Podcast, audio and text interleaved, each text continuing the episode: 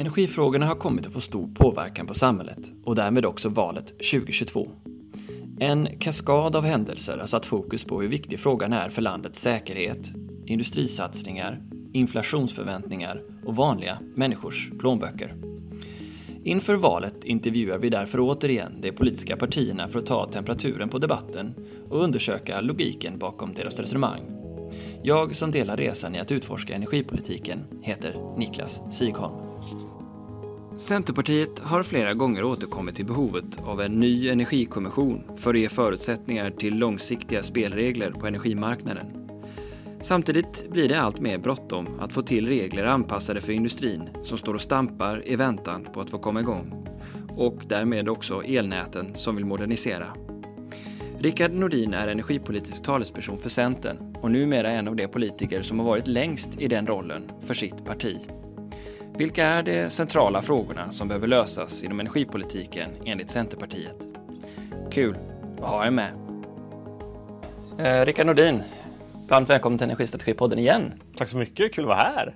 Och för alla de som inte har träffat dig tidigare så är du energipolitisk talesperson för Centern och du är nu också en rutinerad spelare i gamet. Hur länge är det du har varit med i energipolitiska frågor? Jag har haft de här frågorna sedan 2014 kom in i riksdagen 2011. Så nu är jag väl den i svensk politik som har mest erfarenhet tror jag i de här frågorna. Det är lite roligt. Ja, det är roligt och det är dessutom en av de som var med i hela, eh, eh, vad heter det nu då, jag kan på tappa namnet, eh, Energikommissionen under, eh, under förra decenniet. Herregud vad tiden går. nu känns det som att vi är gamla när du säger så. Ja, men du har varit med ett tag. Så, så, och det händer ju rätt så mycket i energibranschen. Den har ju seglat upp eh, energifrågorna som en av de centrala frågorna får man ändå säga. En plats som energifrågorna kanske traditionellt sett inte haft. Eh, hur ser du på energifrågornas position inför valet? Vilken, hur centrala är de? Men de är ju lite tillbaka den här gamla diskussionen som jag kanske hade hoppats att vi hade begravt om kärnkraft versus förnybart, i det här fallet framförallt vindkraft då. Jag är lite trött på den. Den polariseringen gör ju att det skymmer så himla mycket annat som är viktigt att lösa. Jag tror kanske inte att kärnkraft löser alla problem. Jag tror inte att vindkraft löser alla problem heller. Och framförallt så skymmer det ju sikten då för här elnätstrukturerna, tidsperspektiven, hur ska vi få saker på plats tillräckligt fort? Eh, hela liksom diskussionerna kring flexibilitet, effektivisering, lagring, allt sånt där skyms ju av att vi fastnar i den här 40 år gamla debatten och det tycker jag är rätt tröttsamt. Hur tolkar du då inlägget från Moderaterna om 400 miljarder i statliga lån och kanske också subventioner för planerbar kraft? Alltså jag tycker ju att det här är rätt tydligt ur mitt perspektiv. att Jag fattar att man gör det, eh, därför att det här är politik. Pratar du kärnkraft så har du svaret på klimatfrågan nu.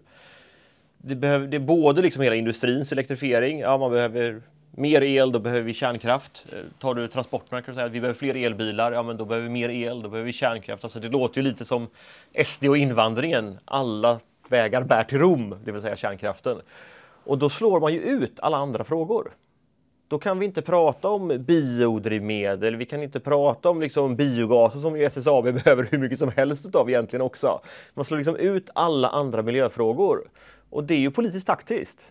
Man desarmerar en svag fråga och gör det till en, åtminstone du spelar kanske 1-1, det kanske inte blir en stark fråga, men du spelar 1-1 åtminstone och det är ju en vinst. Så politiskt sett hade jag gjort precis likadant när jag var moderat.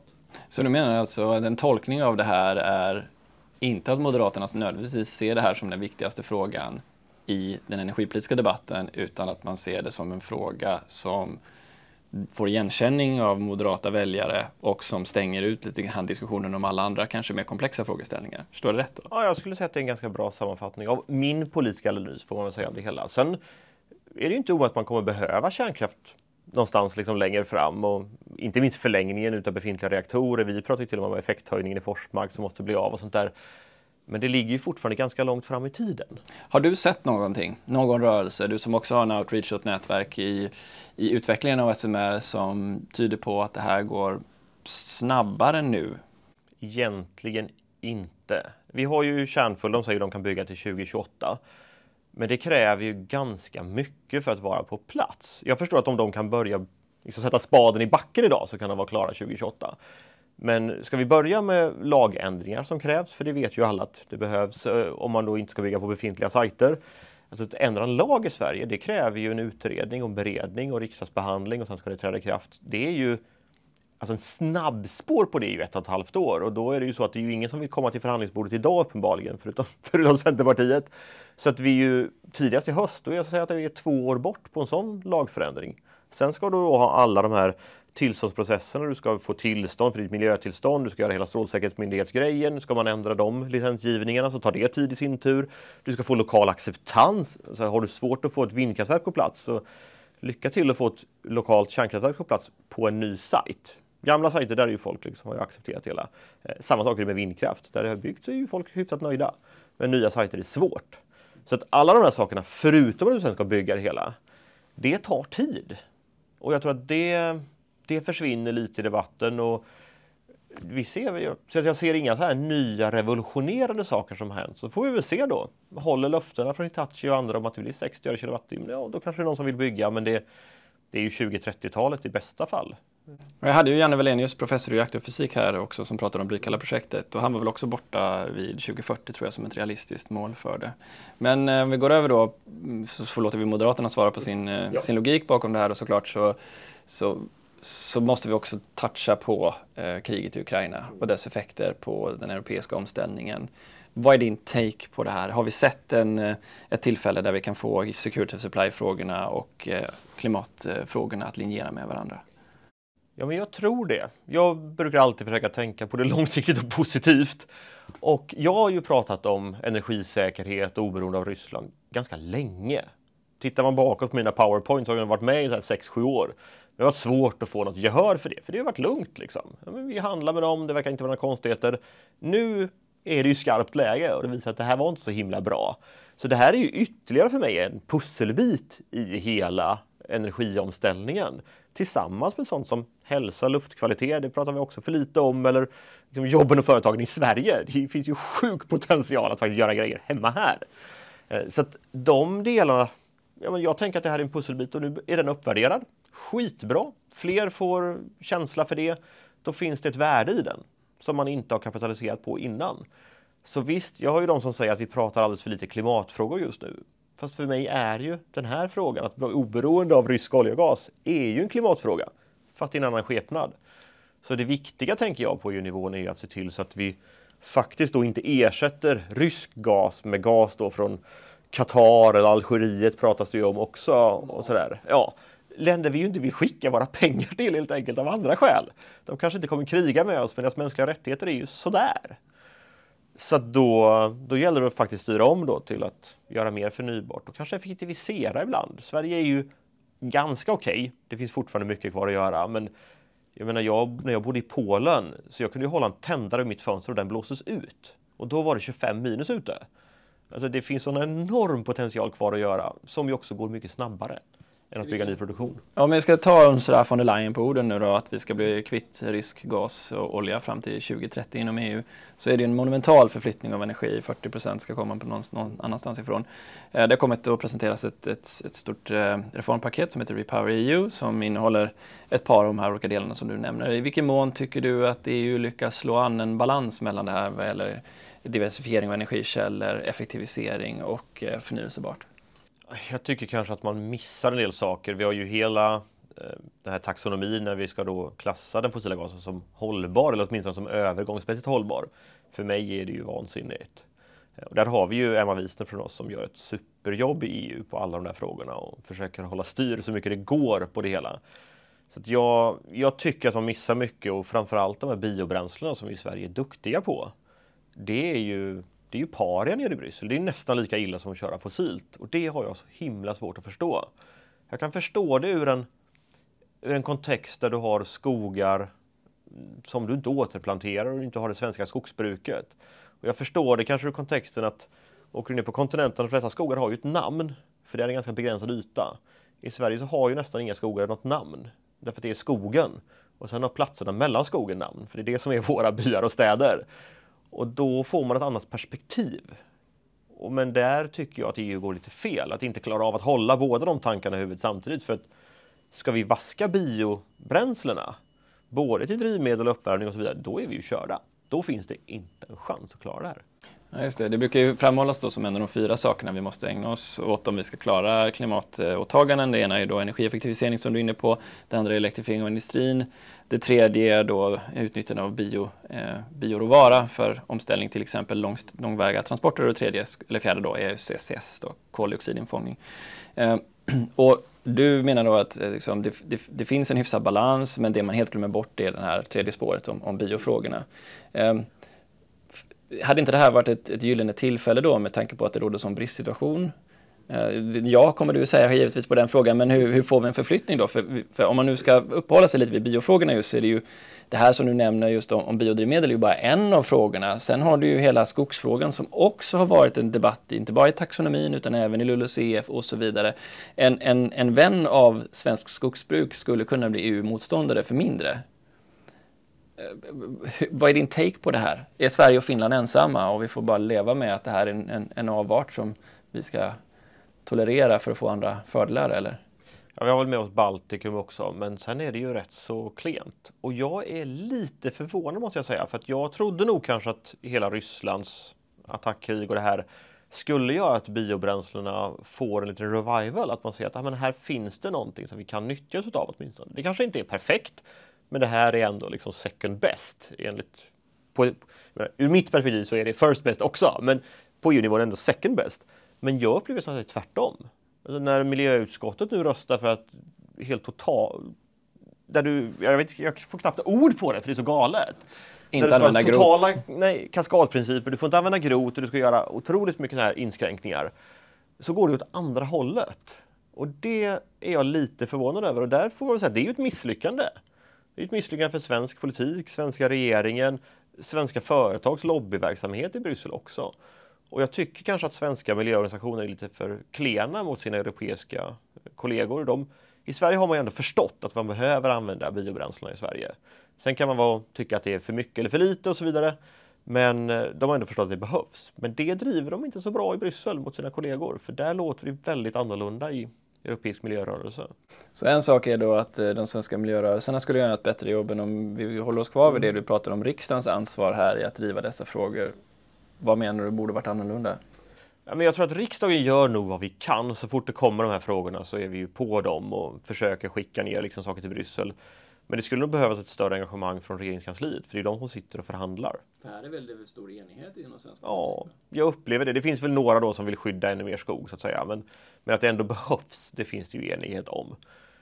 Så att man skulle ju önska att det blev en snusfråga som är så viktig att du liksom du spärrar allt annat helt enkelt. Okej, okay, men om vi kopplar det till den svenska diskussionen och den svenska debatten så har vi ju faktiskt sett ett förslag på, eller vi har ju sett subventioner riktade till Lantmännen bland annat och sänka reduktionsplikten och vi ser Moderaterna som också gör det. Vad, vad skickar det för signaler och hur passar det in i balansen mellan å ena sidan då eh, ha en rimlig kostnad för energi och å andra sidan då klara av att ställa om till ett förnyelsebart samhälle? Men jag tycker att det är ett jätteproblem, för om det är någonting som alla branscher kommer till mig och säger så är det långsiktiga spelregler. Det var det man faktiskt fick med reduktionsplikten. Och nu får man säga, ja, en pausad reduktionsplikt 2022-2023, ja men det gör ingen jätteskillnad.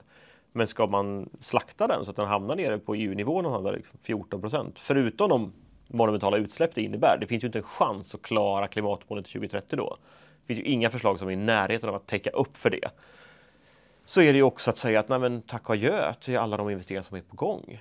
Ja precis, för det måste du ju också höra då, Preem och SD1 och andra. Och, och, inte bara dem, det finns ju väldigt många andra som inte är så himla stora som är ju på gång. Ta Liquid Wind till exempel, Övik, eh, där det, som är ett helt nytt bolag på det. Där, det jag tycker det är kul för där kommer ju Uniper från elsidan in och slår sig ihop då med ett startup för att göra detta. Och där du också har hela Sekab-koncernen och, och hela det gänget som redan finns på plats för mycket grön kemik. Så att du, det finns så mycket nya spännande saker och de får ju inte en chans om du ska ta bort det här. Och det är ju, jag fattar att det blir lite dyrare för hade det varit billigare med förnybart hade du redan kört på det. På alla sätt och vis i den förbränningsmotorer. Nu biogasen är ju det, så där, där vinner du men du kan inte köra på biogas överallt. Eh, åtminstone inte än så länge, även om man hade önskat att det var så. Så kommer du behöva nyttja befintliga förbränningsmotorer länge till. Hade det varit billigare att köra på förnybart hade alla redan gjort det. Det är lite dyrare, sen är det väl tveksamt om det är dyrare med dagens drivmedelspriser, men du måste få igång produktionen. Och grejen är ju samtidigt att om vi gör det här i Sverige istället så kommer vi få tusentals, kanske tiotusentals nya arbetstillfällen. Vi får nya skatteintäkter. Samhällsekonomiskt kommer vi vinna på det här. Och då är det väl också superviktigt i andra änden då att vi från politiken ser till så att man då, okej, okay, vi kanske inte ska beskatta som vi gör idag. Eh, vi beskattar ju faktiskt det förnybara inom reduktionsplikten, vilket ju för mig är vansinnigt. Tog du min följdfråga där? Ja. Det, och där jobbar vi ju på, kommissionen har ju faktiskt lagt fram ett förslag på att man ska ta bort det, så att man kan skattebefria det. Då måste man ju göra det. Och sen får man se till då att kompensera på andra sätt. Reseavdraget till exempel, nu kommer det ju äntligen justeringar i det. Andra typer av åtgärder som gör att det, gör du rätt val så ska det inte bli dyrare. För att samhällsmässigt så vinner vi på det. Så att man inte bara som politiker tänker, åh gött, det blir mer skatteintäkter till oss. De lägger vi på något helt annat, du får ta notan. Det blir ju superviktigt. Det låter som att det här är en fight som eh, Centerpartiet kommer vilja ta som en, eh, i nästa mandatperiod. Jag skulle säga att den här har vi tagit, jag vet inte hur länge, men vi är ju beredda att stå upp för det här. Jag tänker bara att den har blivit så central nu. Det är lite make it or break it för den om vi ska få de här stora Verkligen. Ja, ja, skulle vi slakta reduktionsplikten nu, den kommer ju aldrig komma tillbaka. Så är det ju. För det är ju samma typ av problem som händer om EU nu ska lyfta upp en massa utsläppsgarantier och sälja tillbaka ut dem på marknaden för att subventionera solceller. Mm. Det blir väl samma typ av liksom avbräck för förtroendet av en, vad man har tänkt, långsiktig spelregel. Ja, men långsiktiga spelregler för mig är ju att man ska ha en stabilitet och en trygghet. Sen kan man inte ha samma regler under 20 år. Alltså, nu reduktionsplikten drar ju ändå ut en kurva, men den har ju också kontrollstationer. Och det vet ju alla om. Nu ska det komma en kontrollstation, då får vi titta då. Hur ligger vi i förhållande till det här? Ligger vi bättre eller sämre? Då justerar man något i kvoterna. Det får ju alla ta in som en osäkerhetsfaktor, men den är ju, den är ju möjlig och den kan man ju själv räkna på. Däremot att politiken går in och säger, att nu skiter vi i det här, nu sänker vi det här, eller nu bestämmer vi att vi radikalt höjer det här. men det, det blir ju jätteproblematiskt. Därför att du och vi om några vet ju att energisystemet hänger ihop. Att förr kanske det var så att man tänkte elen för sig och drivmedel för sig och värme för sig. Men nu för tiden hänger ju, de här är ju så otroligt sektorskopplade. Att gör du någonting på ena sidan, det spiller ju över på de andra också. Och då är det ju ännu viktigare att faktiskt lite långsiktighet och enighet, tänker jag. Det är väl bra att ha lite som kontext för lyssnarna så att förstå att eh, bioenergin är ungefär 140 terawattimmar av Sveriges totalt 400 terawattimmar energisystem. Så det är inte en liten del heller av energisystemet. Det är ju i praktiken lika mycket som vi använder som el. Så är det. Som är 140. Ja. Okej, okay, så då vet vi var ni står i, återigen då i, i biofrågorna. Sen kan vi fördjupa oss mycket i det där, ja. för det har ju hänt en hel rad konstiga lagförslag eh, som påverkar svensk skog. Men det får vi ta ett separat avsnitt om i så fall. Um, om vi då går över till uh, den förändrade marknaden och det förändrade upplägget. Vi ser ju trots allt en kontinuerlig utbyggnad av vindkraften, trots att det finns mycket kommunala veton som sätter stopp för den. Um, vad är din liksom ingång på det här att vi har 15 000 megawatt i långsiktig planering från SVK som vi på något sätt ska möta? Och vi har ett otroligt dyrt elpris på väg in på grund av kriget och dess effekter. Och vi har dessutom då relativt sett planen ganska lite nybyggnation av ny kraft. Vad, vad är din take? Vad är vårt huvudverk? Vad består det i? Men huvudverken är väl framförallt ska jag säga, hur ska vi få saker på plats fort? Varför alltså, Ja men ta, jag pratade med SSAB för inte så länge sedan, de vill ju ha sina grejer igång 2025. Eh, H2 Green Steel säger också att de hade ju velat ha igång det 2024 om de hade fått elen tills dess också. Det här kräver ju en, en snabbhet från politiken därför att får man inte saker på plats i tid, det är ju missade både marknadsfördelar såklart, men också konkurrenskraft för AB Sverige, utsläppsminskningar och annat. Där, där man också riskerar att missa investeringscykler. Därför att har du maskiner och annat som håller på och sjunger på sista versen så kan du inte lappa och laga dem hur länge som helst. Förr eller senare behöver du fatta ett beslut och investera. Och har du då inte förutsättningarna för rätt investering, om jag tänker nu som klimatpolitiker också, ja men då låser du ju fast dig ganska många år till. Så tidsperspektiven är ju så vitala och det kanske inte jag upplever att alla riktigt har förstått. Hur bråttom det är, framförallt ur alla de som gillar miljöfrågorna, inte bara energifrågorna. Att det går inte att dra benen efter sig och tänka att vi ska lösa allt. Vi får börja, vi får börja liksom sätta spaden i backen också. Ja, här kanske vi är så överens om detta så jag har svårt att formulera frågan. Men det är ju sant ju också att de här bolagens stora satsningar, även om man kan eh, baxna åt deras storlek, ju trots allt uppenbarligen är på väg. Det ser vi ju i ansökningar om inte annat, det ser vi i, i förpliktelser från styrelserummen. Eh, men så här då om vi nu ser ett läge där vi har så här mycket ansökningar som i sig genererar mängder av, inte bara investeringar, men multiplikatoreffekter i jobb det sätter igång under arbetstiden, utan sen permanenta jobb och arbetsplatser som leder till finansiering av all välfärd som vi har. Eh, och vi har en, en tidsbrist och den tidsbristen beror på dels naturligtvis lagstiftningen och balansen mellan miljö och klimat, men också på decentraliserat ledarskap, kommunalt styre. Vad är trenden vi måste börja baxa det här åt som du ser det? Ja, men det som har blivit tydligt tycker jag senaste åren är lokal acceptans. Där upplever jag ju faktiskt att alla partier nu säger att det behövs någon typ av lokala incitament för mer kraftproduktion. Jag tycker också att vi börjar se lite samma sak på elnätssidan, att vi inte riktigt där än upplever jag kanske på samma sätt som som på elproduktionen, att det behövs uppdaterade ersättningar för markägare och annat. Det, det här är ju sådana enorma värden att bättre ersättning till en markägare som får elledningar på sin mark är ju en spottstyver i sammanhanget. Och sen förstår jag att man håller emot, för det är ändå i slutändan någon balansräkning som det kommer påverka. Men vi måste bara sluta med de grejerna. Det går inte att hålla på så längre. Eh, så det känns som att där finns det fortfarande rätt mycket som går att göra tämligen enkelt tror jag. Det är just utmaning i större grad om man tar Försvarsmakten som jag också tycker borde samarbeta bättre. Du borde kunna, du borde kunna hitta det här med villkorade tillstånd. Det funkar i andra länder med radarstyrning på högre vindkraftverk. Eller jag vet ju att Hybridprojektet hade ju problem också med sina höga skorstenar så det är inte bara elproduktionen. Jag tror att det finns saker att göra där också, men det är nog lite trögare. Men räcker det då? Jag tänker på ditt, eh, din eh, hemmakommun Göteborg. Ja och Öckerö med 3 500 invånare som då säger nej till ungefär motsvarande den energi som Göteborg behöver för sin omställning, för Northvolts etablering, för Volvos transformering till elektrifiering, för Stena Lines elektrifiering av färgerna och så vidare och så vidare.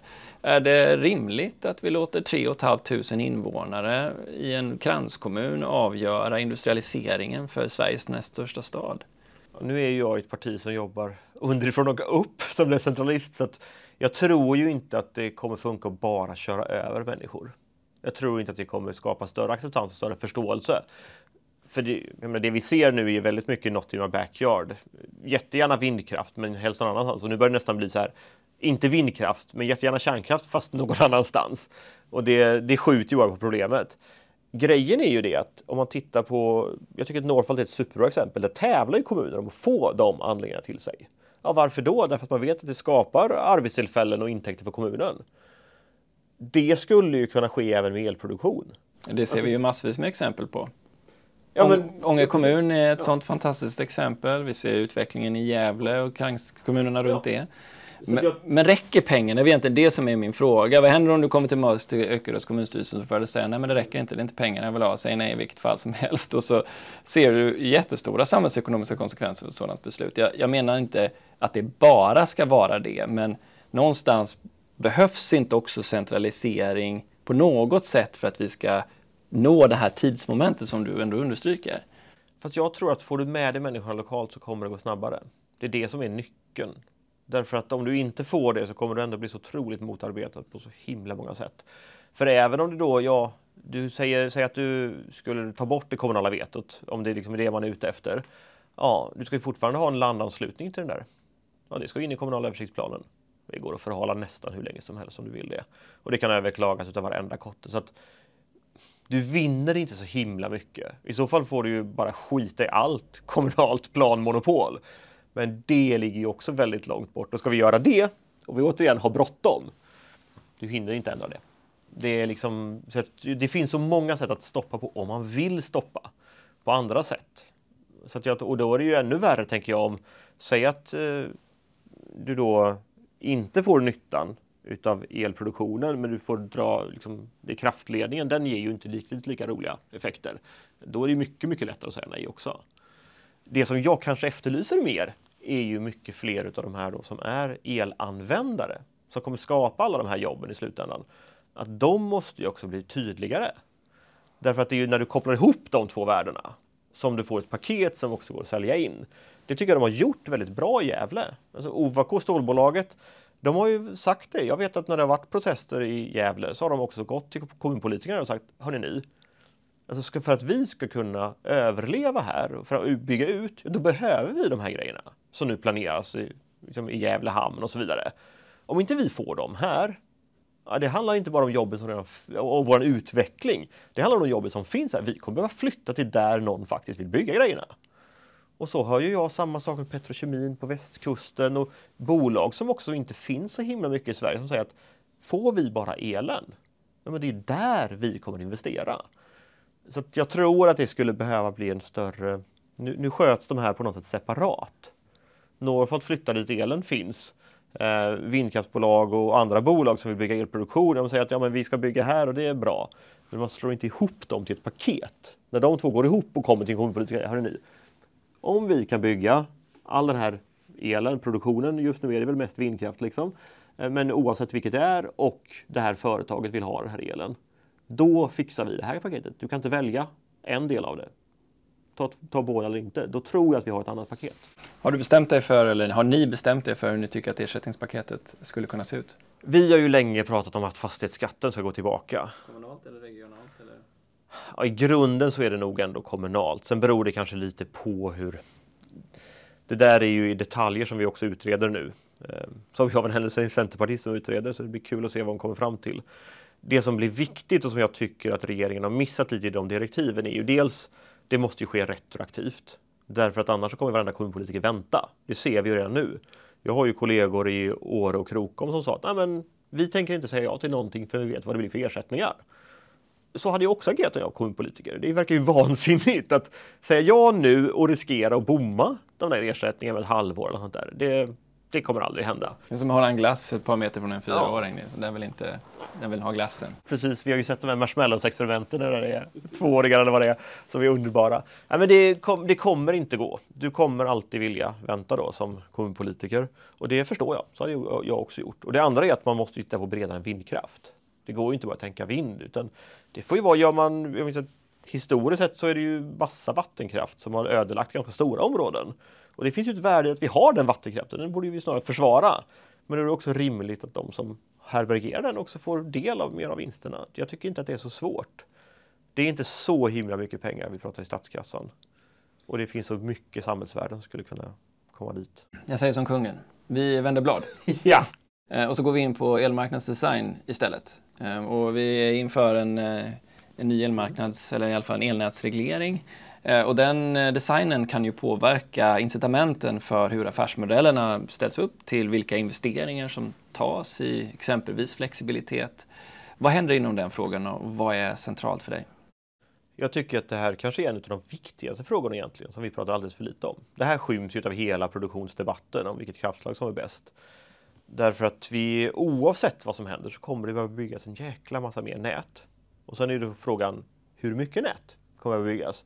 går det att göra saker lite smartare. Vi har ju alla de här flexmarknaderna och annat, men det, det är ju inte någonting du kan få en större intäkt av i din reglering. Vilket gör att det gör man ju bara som absolut sista nödlösning.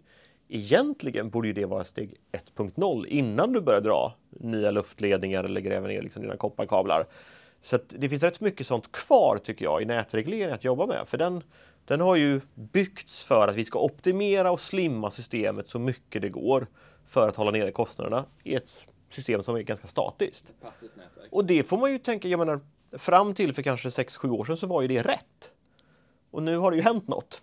Och då gäller det väl att hitta en hel del saker. Alltså det finns ju de här enkla sakerna att kunna bygga, inte på spekulation, men på prognos och ha lite marginaler. Det är ju därför Northvolt kan finna sig själv efter, för de hade marginaler. Det Verkar vara rätt bra samhällsmässigt att, att ha de här marginalerna. Men också sånt som i Norge så har du ju en, en enprocentare tror jag regleringen som bara får gå till forskning och utveckling. Kan ju vara intressant till exempel att faktiskt titta på den typen av åtgärder.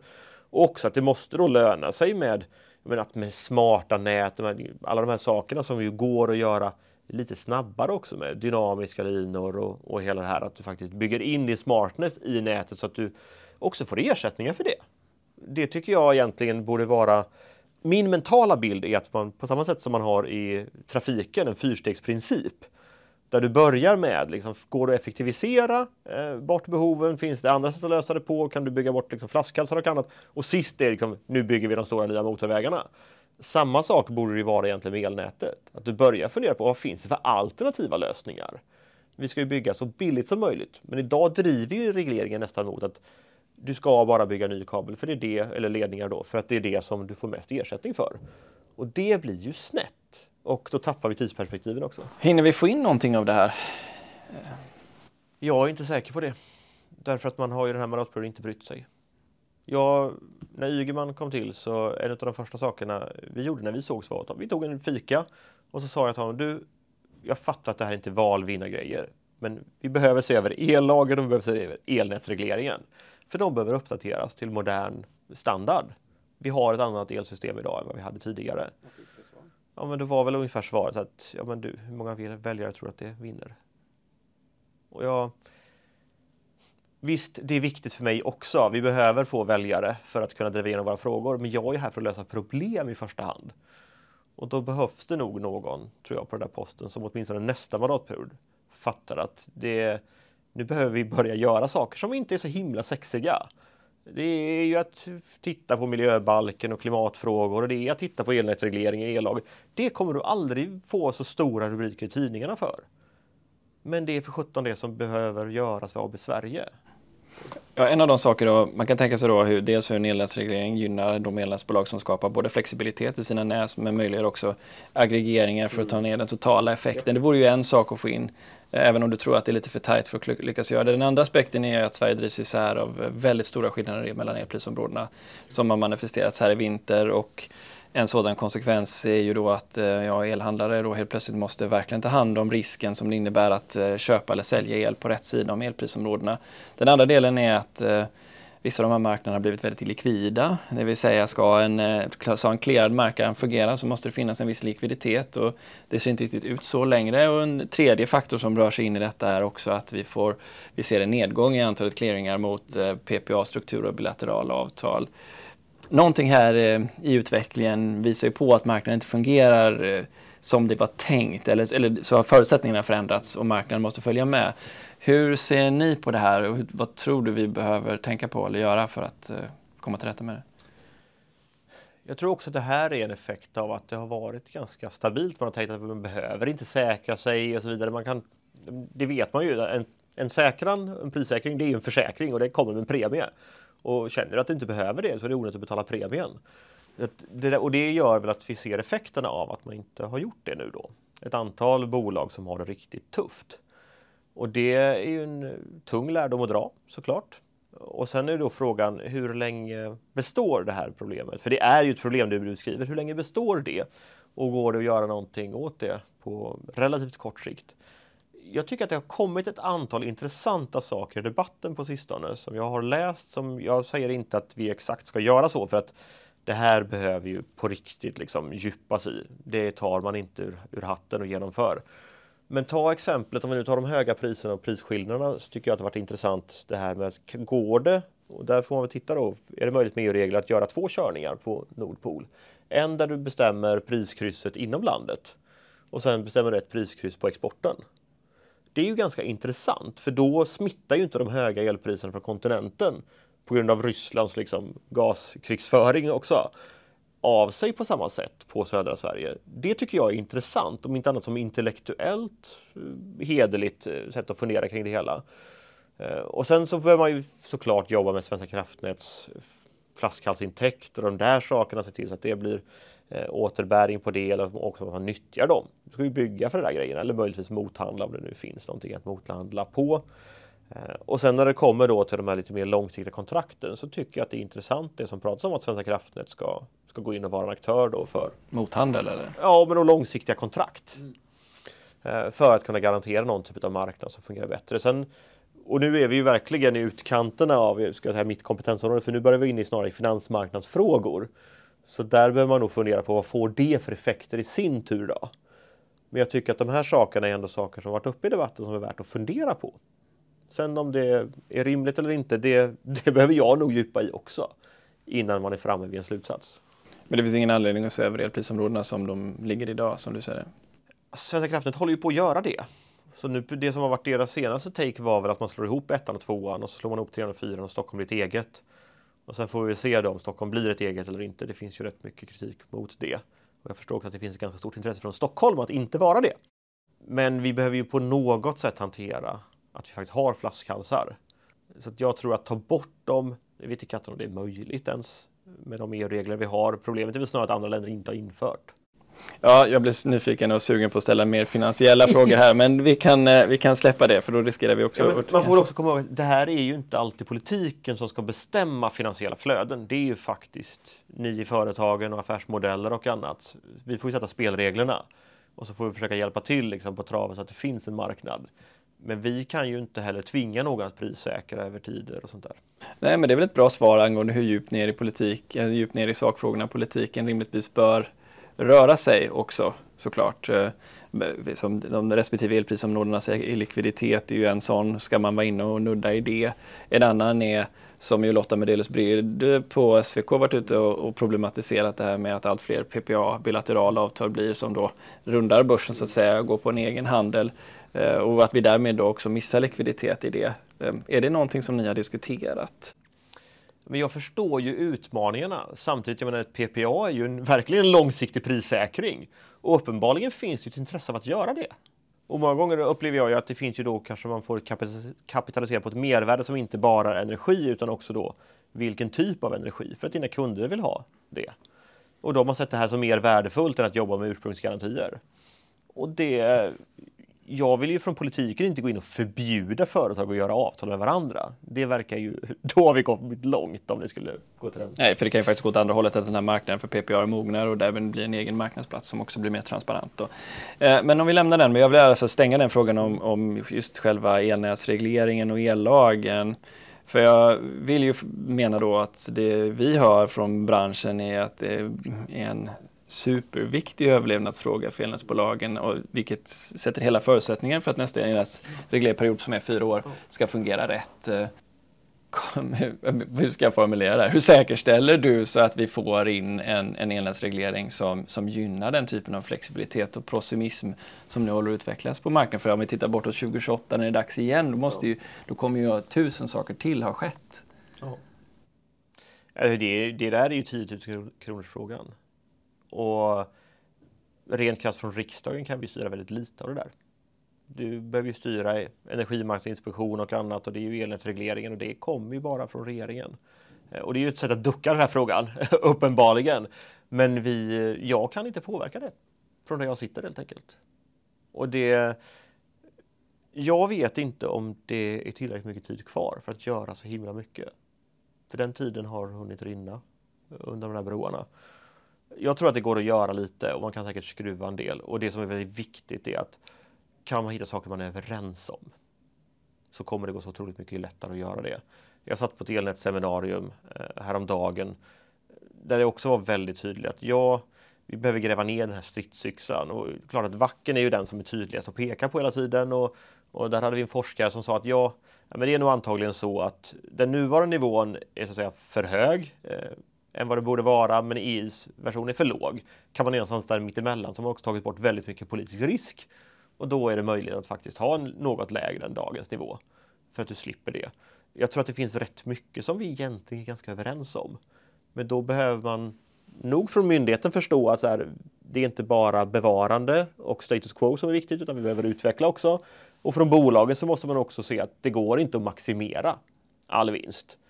Utan vi kanske kan få nöja oss med en stabilare, men lite lägre nivå. Men det kräver ju också att man sen då inte håller på och processar för att få upp den där hela tiden. Utan man faktiskt också accepterar det.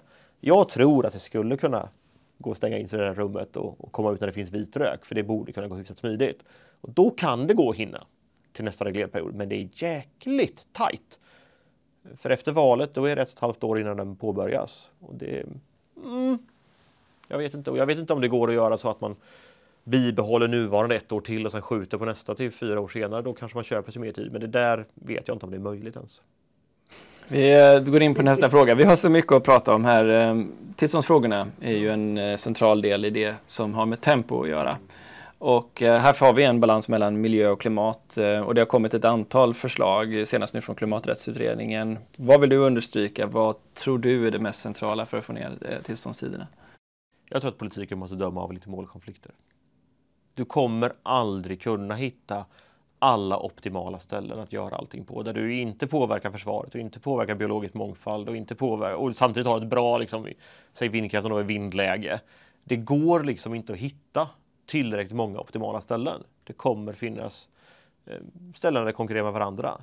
Men jag vet ju också vindkraftsbolag som säger att okej, okay, men vi vet också att tåg dödar fruktansvärt mycket rovfåglar därför att tåget kör på ett vilt djur, fågeln sätter sig där och så kommer den och kör, då blir det påkört av tåget.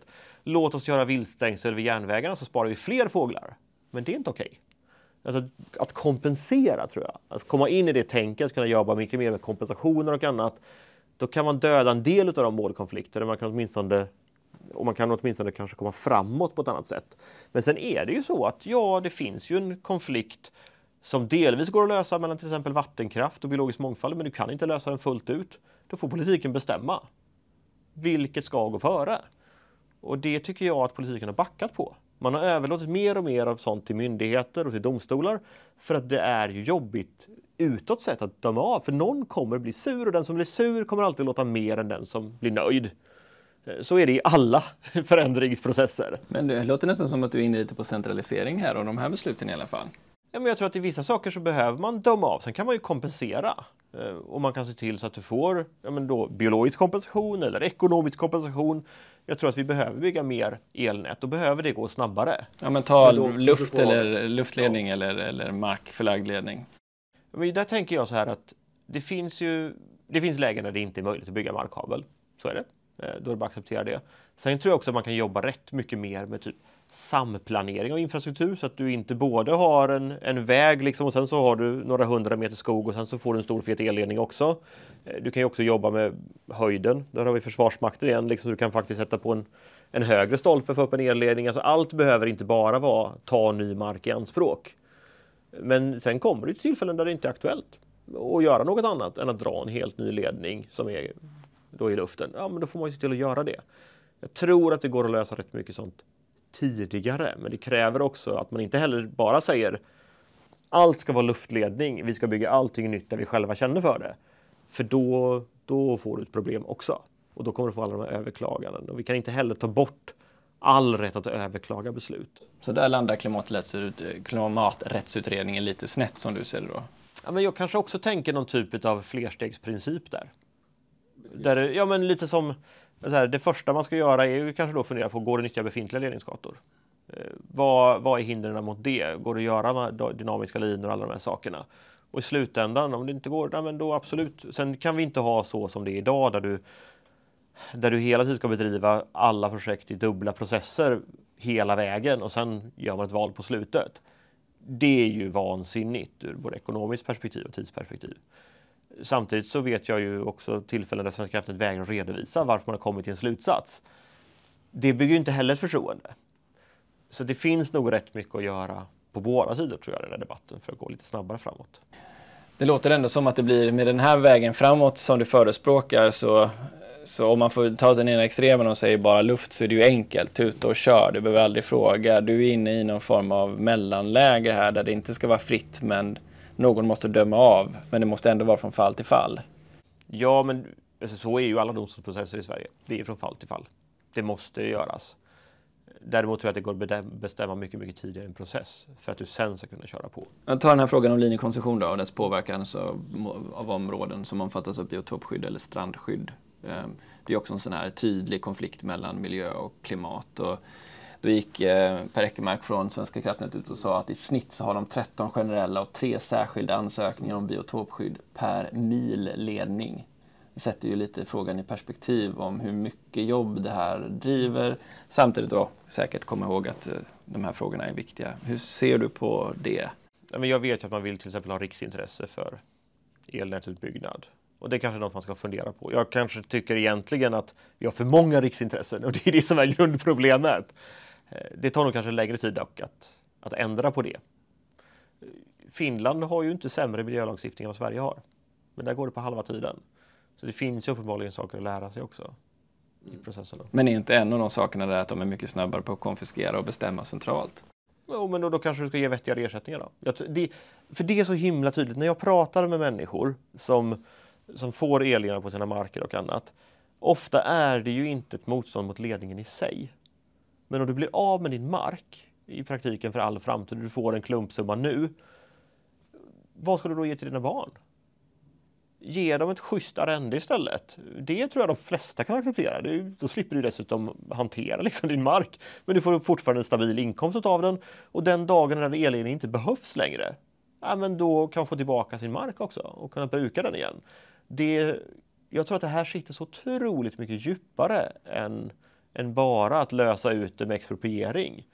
Det går att fixa med mycket annat för det skulle jag vara markägare, det är jag bara indirekt liksom via pappa och annat, så, så skulle inte jag vilja bli av med den marken. Den har varit i vår släkt länge. Kommer någon att säga att de ska ta den? Alltså, för mig handlar det inte om det handlar i grunden inte om pengarna, om att okej, okay, vi behöver den för omställningen. Men jag vet att jag kan ha kvar marken, den används av någon annan just nu. Det är inte ett problem. Så att jag tror att vi behöver kanske också jobba lite mer med psykologin i det här. Okej, okay. Samarbetet mellan Affärsverket, eh, Svenska kraftnät och Energimarknadsinspektionen är ju en annan sån faktor som har nämnts som helt central för att eh, få både bedömningarna av ansökningarna som kommer igång eh, på, igång ordentligt snabbt eh, och att det ska samverkan ska ske med, med Svenska kraftnät som ju ska bygga.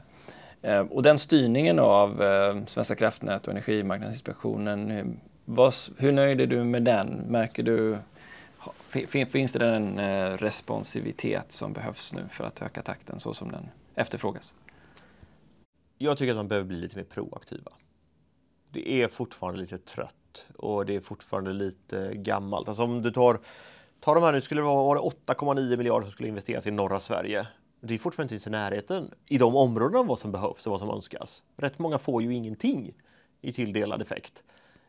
Det går, alltså, ursäkta, men det är inte acceptabelt.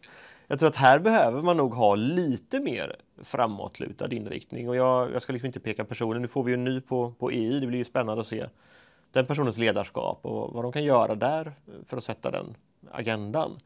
Men jag tror att det behövs ett tydligare tryck från politiken att nu måste ni lösa det här. För mycket ligger nog i regelverken, ja, men sen ligger rätt mycket i kulturfrågor också. Och inte bara på de myndigheterna. Jag menar ta Naturvårdsverk och Länsstyrelser och annat behöver också ha samma framåtlutade inriktning. Där målen alltid ska vara att man ska få sitt tillstånd. Sen kan man behöva liksom fixa lite på vägen. Men idag är ju snarare inriktningen att vi ska bromsa så mycket som möjligt. Vi ska ifrågasätta alla tillstånd, inte bara för nät utan för andra verksamheter också. Och sen har man tur att ta sig igenom den nålsögat, då får man sitt tillstånd. Det är, jag tror att det finns mycket kultur i myndighets-Sverige och på affärsverken också då, där det skulle behövas en helt annat tryck på att nu, vi förväntar oss att vi löser detta. Hur gör vi det? Nu gör man ju några pilotprojekt. Men varför ska vi bara ha några pilotprojekt? Det behöver ju vara liksom över hela linjen. Jag blir nyfiken då. Hur har det låtit på första mötet med Svenska kraftnät om ni, Centerpartiet fick egen majoritet i riksdagen? Då hade jag egentligen frågat hur ser vi till så att alla de som vill ha el får el? De ska ha det de ska ha elen när de vill ha det. Sen kan man förstå så här, kommer du och vill etablera någonting och behöver el om två år? Det tar ju lite tid. Men det, alltså någonstans så måste man ju faktiskt ställa det kravet också. Apropå politiska avgöranden då, hur ser du på kön? Det är en stor fråga ju som eh, kanske i allra högsta grad diskuteras uppe i Norrbotten är det att eh, first come first serve när det gäller anmälan inom effektbehov så jag kan i princip komma med en, en stor ny datahall som behöver 400 megawatt och 1 3 för SSAB, inte den tilldelning som de behöver för att ja, minska Sveriges eh, klimatdioxidutsläpp med 10 procent. Hur ser du på den konstruktionen? Det här tycker jag är skitsvårt. Därför att här har vi ju ett problem med någon typ av rättviseprincip Alltså om du gör en ansökan så är det rimligt att den också behandlas i turordning. Eh, Sverige är bra på att stå i kö liksom. Samtidigt som, ja, om SSAB inte får sådana grejer, det kommer bli jätteproblem. Den svåra frågan som man måste svara på då, om man, för intellektuellt så är det lätt att tänka att SSAB borde gå före. Men hur värderar man det? Det är kanske lätt då datacentret för SSAB. Å andra sidan, om datacentret är det som möjliggör självkörande bilar så att du kan minimera då biltrafiken i mycket högre grad. Alltså vad är det värt då? Eller är det liksom porrsurfing som ska användas eller bitcoin mining? Bitcoin kan i och för sig vara intressant också ur, ur många sådana perspektiv. Men liksom, det finns ju en skillnad här. Hur sjutton värderar du den skillnaden? Det tycker jag är det svåra.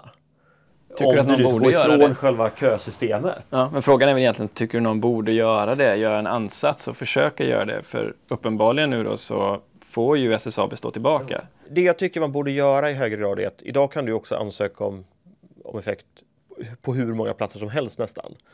Och det gör ju också att du korkar igen systemet. Därför att du kommer ju sedan antagligen bara bygga på en plats. Och då, då har du samtidigt bromsat upp och folk har då, som väntar på sin tur fått veta att ja, du kommer inte få förrän här någonstans långt borta. Och då gör man sina beslut efter det. Det hade nog varit i högre grad intressant att ha antingen då säga att du får bara ansöka på ett ställe. Eh, alternativt kanske något mer öppen process. För nu är ju allt sånt slutet också, vilket gör att du själv inte kan göra en värdering av om du har det här datacentret och har ansökt på tio platser men kommer bara bygga ett datacenter. Ja, men är jag på en av de platserna kan jag ju tänka okej, okay, men jag, det är liksom 90 chans att de inte hamnar här. Då kan det vara värt att tänka att oh, men då ställer jag mig i kö här, för det här är relevant. Då har, kan du göra den värderingen. Idag vet du inte. Och den osäkerheten är ju kanske det allra största problemet. Den kan du åtminstone reducera tämligen enkelt. Men just i Norrbotten, Luleå, Bodenregionen och norröver där är det ju inte just det som är problemet. Där är ju ändå problemet att det är väldigt många. Vi har Fertiberia som ska göra grönt mineralgödsel, något som vi är i strängt behov av givet krigets situation.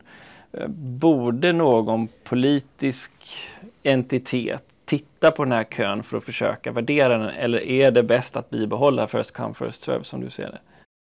Jag har inte hört någon som har ett, ett rättssäkert och rättvist effekt att lösa det på.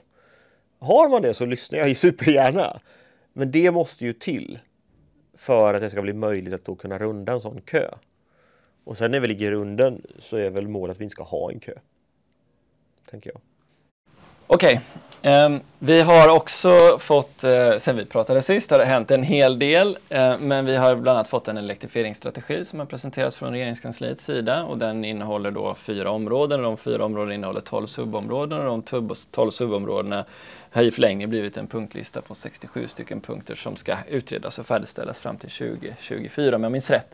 Vad tycker du om resultatet av arbetet som ledde fram till en elektrifieringsstrategin? Jag tycker att rätt mycket är bra samtidigt är det mest bara papper en gång till. Jag hade ju velat ha lite mer action. Det är ju synd att man inte bjöd in oss andra politiska partier, för det här kan vara grunden för Alltså det här är ju lite det arbete som vi gjorde i Energikommissionen på många sätt. Fast nu gjorde man det på egen hand. Vilket också har gjort att vi inte har en större enighet tror jag. I energipolitiken hade vi gjort det tillsammans. Alltså, att göra saker ihop skapar också större mått av enighet. Sen är det inte säkert att vi hade landat in allting. Men jag tror ändå att det var större chans för det. Då hade vi också kunnat påbörja redan den här mandatperioden rätt mycket av de sakerna som finns där. För jag tycker att man identifierar tämligen mycket av problemen. Jag hade kanske skrivit det något annorlunda själv, men i grunden så är det, är det rätt bra. Men jag är bara rädd att det här blir ännu en papperstiger. Och så säger jag, det ska utredas, vi ska göra saker nu då, men det skulle ju varit gjort redan. När du ser på den listan då, vad är viktigast som du ser det och lyfta ut därifrån? Vi har pratat om tillståndstider i och för sig, men vad skulle du säga utöver det? Jag skulle säga att i praktiken det som gör att investeringen kommer på plats är ju det som är det relevantaste. Det är klart att vi har också en målsättning om fördubbling och annat och det, det sätter väl en ram kanske. Men det är inte det som gör att företagen i slutändan investerar. Det är ju att det faktiskt går att investera, att det går att göra inom en rimlig tidsram och att man får schyssta förutsättningar när man gör det. Då tror jag att tillståndsprocesserna är en sån sak. Jag tror att vi behöver titta mer på Försvarsmakten. För det hindrar inte bara elproduktion utan också elanvändare. Och så är det lokal acceptans. Eh, tillsammans då kanske med artskydd och annat som vi nu är. Ja, det är inte så himla enkelt. Eh, och framförallt inte med nya tolkningar där du är i skogen. Du, nu får du liksom inte störa en kråka längre. Och jag vet inte hur du ska kunna bygga någon elproduktion eller någon elledning utan att störa några fåglar någonstans någon gång. Så att här eh, finns det en hel del utmaningar. Jag tror att där, det är nog de sakerna som är kanske allra viktigast. Sen har vi de här stora, lite mer meta då, som är elnätsreglering. Eh, hur ska vi göra med elmarknaden i slutändan? Vi behöver ju om inte annat få en, en trygghet i det, där vi har en bred överenskommelse jag pratar ju alltid om att det är dags att sätta sig vid förhandlingsbordet och jag hade önskat att vi kunde göra det nu. Jag vill inte vänta till efter valet. Jag har ju förlorat ett halvår till.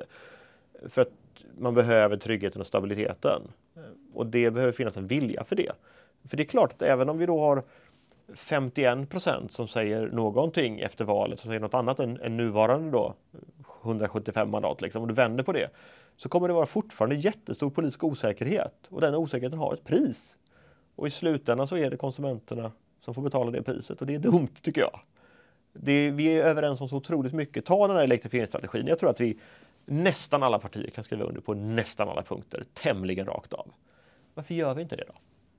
Då har vi dödat rätt mycket och sen så kan vi ju försöka grotta i detaljerna där vi inte är överens och så kan vi hitta kompromisser. Jag tror att vi kan göra det. Jag, jag skulle kunna skissa fram en energiöverenskommelse jag tror att vi skulle komma överens om. Här på en servett liksom. Men då måste, då måste man komma och vilja göra det. Och sen kan inte jag ge bort mina förhandlingspositioner såklart. Men jag tycker att det är rätt lätt och det tror jag de flesta energibranscher också kan skissa upp den där. Var det kommer landa. Men då måste det finnas en vilja att göra det. Och det är väl mitt liksom, medskick till, till de som lyssnar på podden att sätta lite press på politiker att faktiskt vilja göra upp. För det tror jag är avgörande oavsett om man vill ha mer kärnkraft eller mer vindkraft eller solenergi, att man får lite stabilitet så att man vet vad det är som gäller. För vet man inte det så vågar ju ingen investera. Det vet jag inte hur många det är som gör. Det är en helt eh, sidosatt fråga, men är det många väljare som tar direktkontakt med dig och uttrycker sin åsikt? Nej, det är förvånansvärt få skulle jag säga. Det finns ju liksom, lägger jag upp något på Twitter så finns det ju ett gäng som hör av sig. Men det är, liksom, det är, Men det är, liksom, det är den lilla bubblan. Men vanliga medborgare som hör av sig är tämligen få.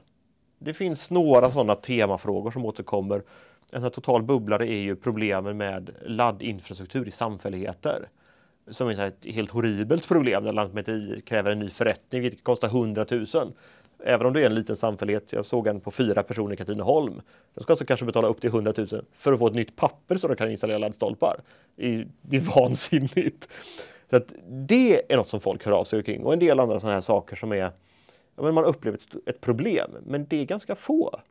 Och det tycker jag att fler borde göra. Stöter man på ett problem i sin verksamhet, här, det här är det konstigt. Jag hade nu några som hörde av sig, för jag har jobbat lite med drönare innan, där de behöver söka, alltså, om de filmar någonting från luften, det kan vara i knähöjd liksom ner på backen, så behöver de skicka in det till Lantmäteriet för granskning för att sedan kunna sprida det. Du behöver ett spridningstillstånd. Det gör det ju, och det tar 17 dagar då att få, få igenom. Det gör ju att nyhetsrapportering från drönare, det går ju inte. För det är 17 dagar, då är nyheten borta liksom. Och massa sådana här saker. Sådana saker har ju de som hör av sig med dem, det är det jag kan göra något åt då. För jag, ett sådant problem möter jag ju aldrig. Det kommer inte komma upp i media på samma sätt och sådär. Så att fler borde ju höra av sig. Därför att det, det är så jag får kunskap speciellt om de här lite specialfrågorna. En appell då till alla er som lyssnar på det här. Eh, var lite mer amerikanska i ert arbetssätt och hör av er till your congressman. Okej, okay, så det låter på dig i alla fall, det jag försökte säga förut är att det är lite som en eh, jaha över hela elektrifieringsstrategin. Ingenting nytt, det är det vi redan vet. Det här skulle kunna vara ett underlag för en energiöverenskommelse. Men egentligen så varken kortare ledtider eller utvecklad planering eller bättre samverkan om roller och ansvar är någonting som är, är nytt under solen. Ja, men det har ju inte lett någon till någonting. Det, det har sammanfattat allt vi redan tyckte och vet, som de flesta redan är överens om. Det visste vi ju redan innan de började. Och det tycker jag kanske är det tråkiga att det som slutsatsen där borde ju redan ha liksom startat kanske för två, tre år sedan åtminstone att göra saker. Då hade alla utredningar varit på plats nu, då hade vi kunnat börja jobba. För ska du utreda till 2024 och sen ska det liksom då på remisser och så vidare Alltså vi är ju inte nästa mandatprodukens. Då är ju den efter det. Om vi tar eh, den delen av, eh, som vi inte varit inne på då, som också finns med i elektrifieringsstrategin som handlar om en ny strategi för eh, kraftvärmen i mm. Sverige. Ehm, Ehm, så är det ju en, ehm, en, en mäkta efterfrågad eh, utredning att göra. Den, eh, kraftvärmen nämndes ju väldigt övergripande i energiöverenskommelsen, att den är till stor nytta och gang för Sverige och vi ska värna och sen så har ju saker hänt längs vägen, bland annat en skillnad i ehm, i skatteläget. Utsläppsrättshandeln har ju gått från vad det var då, kanske 5 euro, till att vara uppåt en 90 euro nu, vilket helt ändrar ekonomin för många som, eh, som är i branschen. Hur ser du på den frågan idag? vi driver ju på till exempel för att det ska inkluderas i hela Europa. Problemet är ju att Sverige och några länder till är ju de, själv, de enda som har med eh, kraftvärmen i utsläppshandeln. det tycker jag är synd. Det borde vara lika för alla helt enkelt på, på, på uppsidan så att, säga, att alla får vara med och betala. Eh, det finns ett antal saker som behöver göras, skatter på bioolja till exempel och sådär. Och sen behöver vi nog fundera lite på, jag har ju själv sett till så att vi har andra byggregler från Boverket eh, som ju faktiskt har mer hänsyn till kraftvärmen. Jag menar på det mötet så jag hade kanske velat gå ännu längre men när kollegorna från energiföretagen sitter på samma möte och säger att de är nöjda då, då, liksom, då är mitt förhandlingsläge ganska dött. Helt enkelt. Och jag tycker att det är synd att vi inte tog det vidare. Jag hade velat fortsätta. Nu finns ju en enighet om att ha en kraftvärmestrategi eh, från riksdagen faktiskt. Det finns ju ett tillkännagivande på det. Så det här är väl egentligen nästa logiska steg kanske att, att faktiskt ta då. Och där har nog branschen, tycker jag, kanske också varit lite sega själva, inte varit så himla tydliga med vad man vill ha. Kanske några saker man inte vill ha. Man vill inte ha vissa skatter. Men det har varit lättare, tror jag, att ha andra saker i debatten för att det har varit lättare att ta på.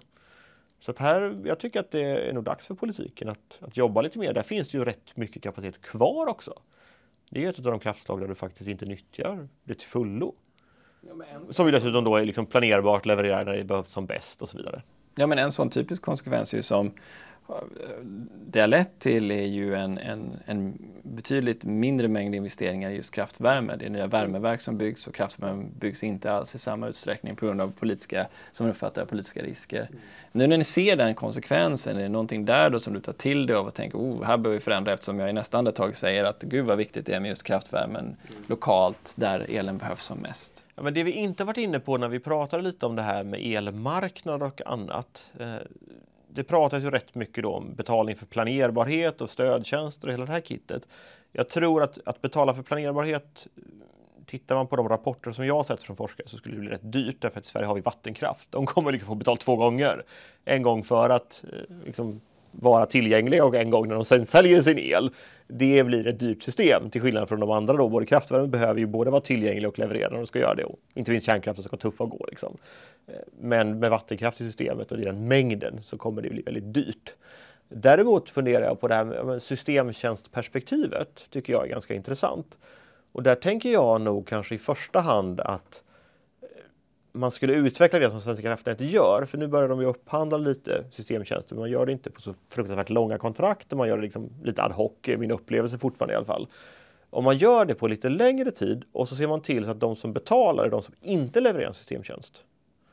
Så får man ju ett indirekt pris på de där systemtjänsterna. För att återigen får man ju fundera på, jag fattar att det finns de som då vill ha betalt för det de idag levererar som de inte kan låta bli att leverera och som ju då är gratis idag det är ju en miljardaffär som du kan få utan att göra någon investering överhuvudtaget.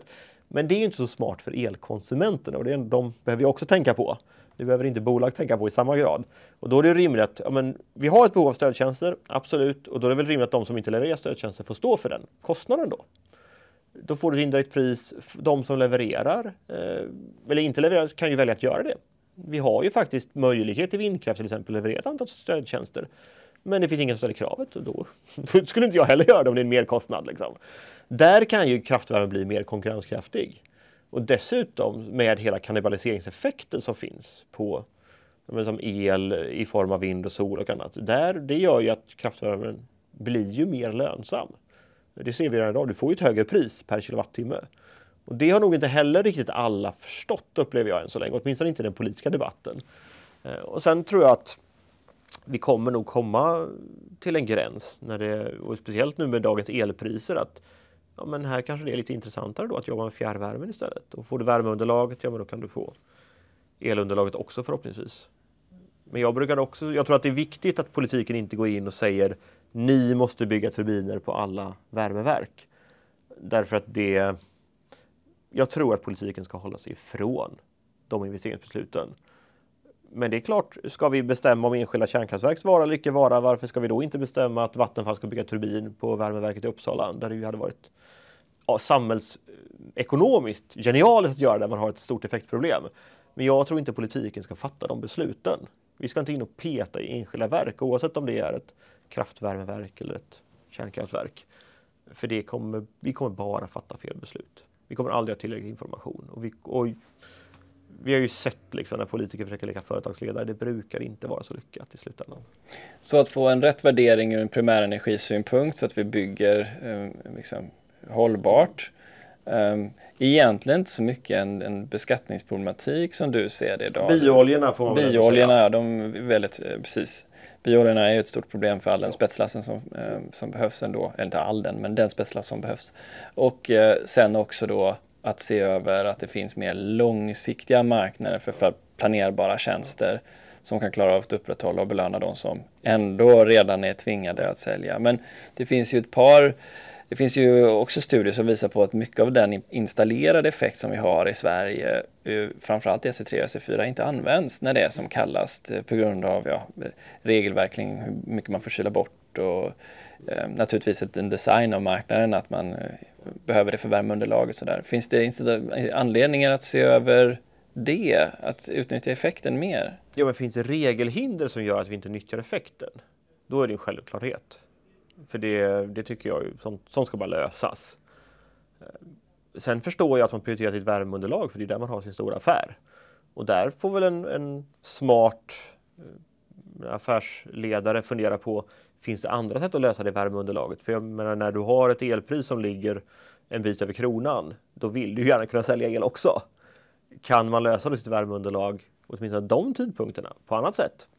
Ja, men det, ja, det finns ju rätt mycket som händer även på det området. Jag satt på ett frukostseminarium idag med Absolicon som är solvärme som de tänker att det går att lagra över vintern. Eh, sen är frågan, hittar man lönsamhet i den investeringen? Ja, det är inte säkert. Men det, jag tror att det finns rätt mycket som man kan fundera på när vi nu ser att vi går mot system med mer volatila elpriser. För då kan du ju nyttja det också. Om vi börjar runda av det här så kan man tänka tillbaka på den vintern som har varit och vad det föranledde för typer av politiska liksom, stöd, bland annat till konsumenter av el. Vi behöver inte bedöma just den åtgärden, men jag kan tänka mig att politiken fastnade med handen i syltburken där. Jag tror att rätt många som lyssnar på podden har ungefär samma åsikt som jag i det. Men det är också så att prognoserna för nästa vinter, och vi vet ju faktiskt inte hur Putin kommer att agera i höst, skulle kunna nästan troligt innebära ännu högre priser till nästa vinter. Och ifall Ryssland stryper gasen så var Markus Marcus Wråke ute och sa att ja men då, då vet vi inte hur vi kanske ska modellera men ett pris upp mot 5 kronor är inte orimligt. Eh, då är vi ju inne nästan på en hit eller it diskussion även i Sverige om priset kommer dit. Hur, hur bör du som politiker förbereda dig inför sån vinter? För det kommer ju att bli ramaskri ifall vi redan i vintras tyckte att det var alldeles för dyrt. Hur, hur ser du nästa vinter framför dig? Vad behöver vi göra? Nej, men det finns ju egentligen bara en sak som du kan göra då inför nästa vinter. Det är effektiviseringar. Alltså, du får inte upp speciellt mycket ny produktion. Det vi, vi har ju nedställda vindkraftverk. Det är ju bara nätreglering som styr det. Det skulle du kunna ställa upp. Det är, det är en halv terawattimme. Det är ändå vad är det, 100 000 villors hushållsel. Det går att göra rätt mycket. Jag tror inte att Forsmarks effektökning går att göra till nästa vinter. Det vet jag inte. Men det kräver ju ändå lite nätinvesteringar och annat så det är väl tveksamt om man hinner det. Eh, och sen är det bara de projekten som redan finns i, i pipeline. Så att, eh, där tror jag väl alltså att vi hade ju förslag i vår budget på effektiviseringsstöd både till hushåll och till företag. Men det var ju ingen som var intresserad av det. Det var också när det här elstöden kom, det var ju det vi sa också. Okej, okay, det är möjligt att vi ska ersätta nu, men vi får se till så att det här inte händer igen. Men det fanns det inget intresse för. Och det stör mig ganska mycket att man inte klarar av att, alltså det är inte ens att vara långsiktig. Det är ju bara att klara av att tänka lite längre än näsan räcker. Att vi behöver ju förbereda för att det här kriget kommer fortsätta. Och gör det inte det, ja, men det är inte en jättedålig investering att svenska hem har energieffektiviserat för det skapar ju kapacitet i näten, det skapar mer el över liksom till, till andra saker. Men det, det är ju det som går att göra på, på liksom riktigt kort sikt. Hur, hur, gör vi, hur gör vi så att ifall vi får den prissignalen som ju kan leda till ett stort behov av att energieffektivisera som något som vi vet vi måste göra kan ha en stor potential. Men hur får vi den typen av prissignal att leda till långsiktigt kloka åtgärder nu då så att vi inte bara hoppar rätt in i, i plånboken från staten och hivar ut pengar till de som har ja, höga elräkningar? Rätt mycket av det här som går att göra är också lönsamt. Jag såg en rapport nu, jag har inte tittat på liksom de bakomliggande siffrorna, som sa att i lönsam effektiviseringspotential finns 866 miljarder fram till om det var 2040 eller något där. Det är rätt mycket pengar och säg bara att hälften vore sant så finns det fortfarande jättemycket som går att göra. Men man behöver, en liten, man behöver någon typ av hjälp på vägen för att komma igång.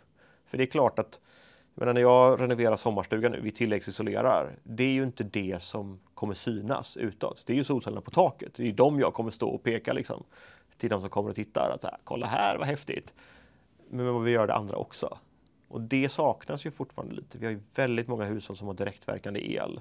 Eh, du skulle behöva byta det och där, där är det faktiskt svårt att räkna hem att byta till ett vattenburet system, men det skulle göra en enorm skillnad.